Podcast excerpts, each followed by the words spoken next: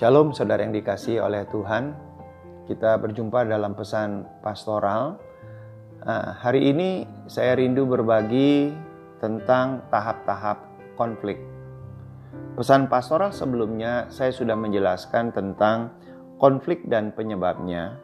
Apabila konflik suami istri tidak dikelola dengan baik dapat menimbulkan krisis yang berujung kepada perceraian. Nah, kita akan belajar tahap-tahap konflik. Ya, tentu kalau berbicara konflik tidak langsung krisis, tidak langsung bercerai.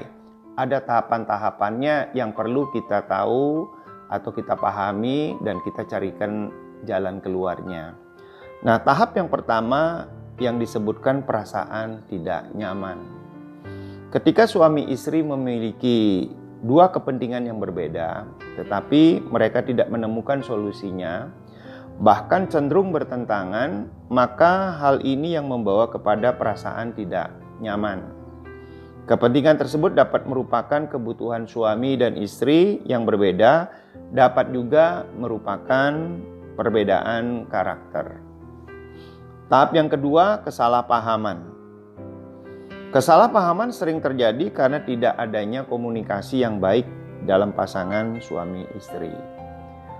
Contohnya, suami istri terlalu cepat mengambil kesimpulan tentang pasangannya, walaupun belum tentu demikian. Tahapan yang ketiga namanya insiden.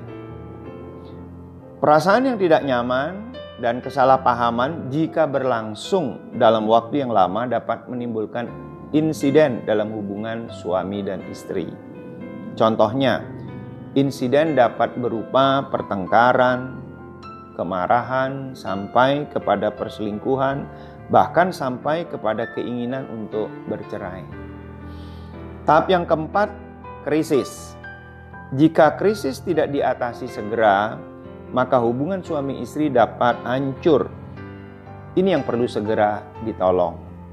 Jadi ada empat tahapan dan masing-masing tahapan itu harus kita tahu. Dan kalau kita sudah tahu, apa yang harus kita lakukan? Nah, saya memberikan tips, kita berdoa kepada Tuhan dan kita memohon petunjuk dari Tuhan, hikmat dari Tuhan. Mari kita berdoa.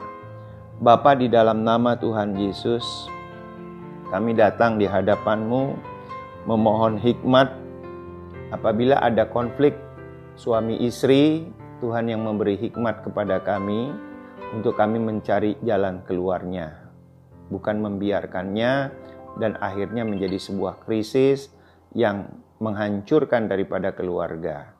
Urapi kami semua Tuhan, di dalam nama Tuhan Yesus. Amin.